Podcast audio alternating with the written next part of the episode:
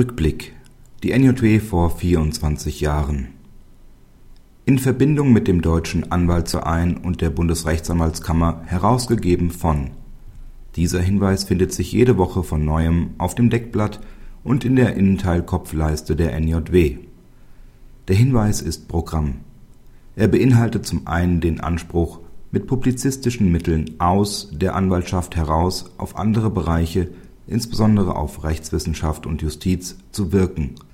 Er beinhaltet aber auch und vor allem den Anspruch, eine Zeitschrift für die Rechtsanwaltschaft zu sein. Das heißt, der angesprochene Leserkreis soll während seines ganzen Berufslebens durch die NJW begleitet werden, von Anfang an.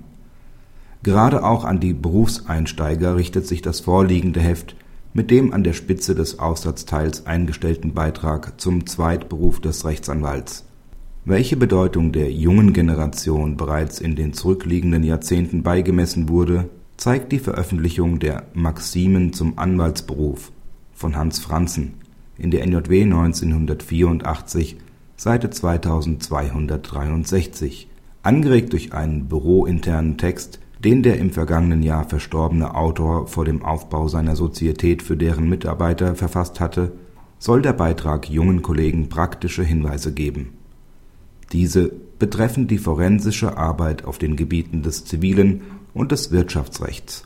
Sie zeichnen kein Berufsbild, aber vielleicht einzelne Facetten dazu. Sie sind nicht nach Juristenart nach einem System weiterentwickelt, das eher ermüden würde, sondern schlicht notiert als einzelne Regeln, isolierte, wenn auch zusammenhängende.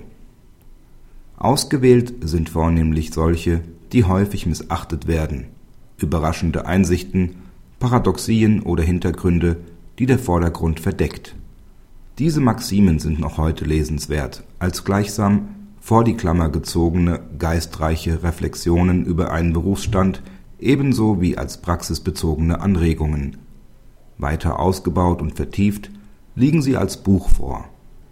Und aufs Ganze gesehen heißt das wiederum, der Aufsatz von Hans Franzen aus dem Jahr 1984 und der Aufsatz von Friedrich Wilhelm Reinecke aus dem Jahr 2008 stehen gleichermaßen für eine redaktionelle Linie, die sich nicht zuletzt an den Wünschen und Erwartungen der jungen Rechtsanwältinnen und Rechtsanwälte orientiert.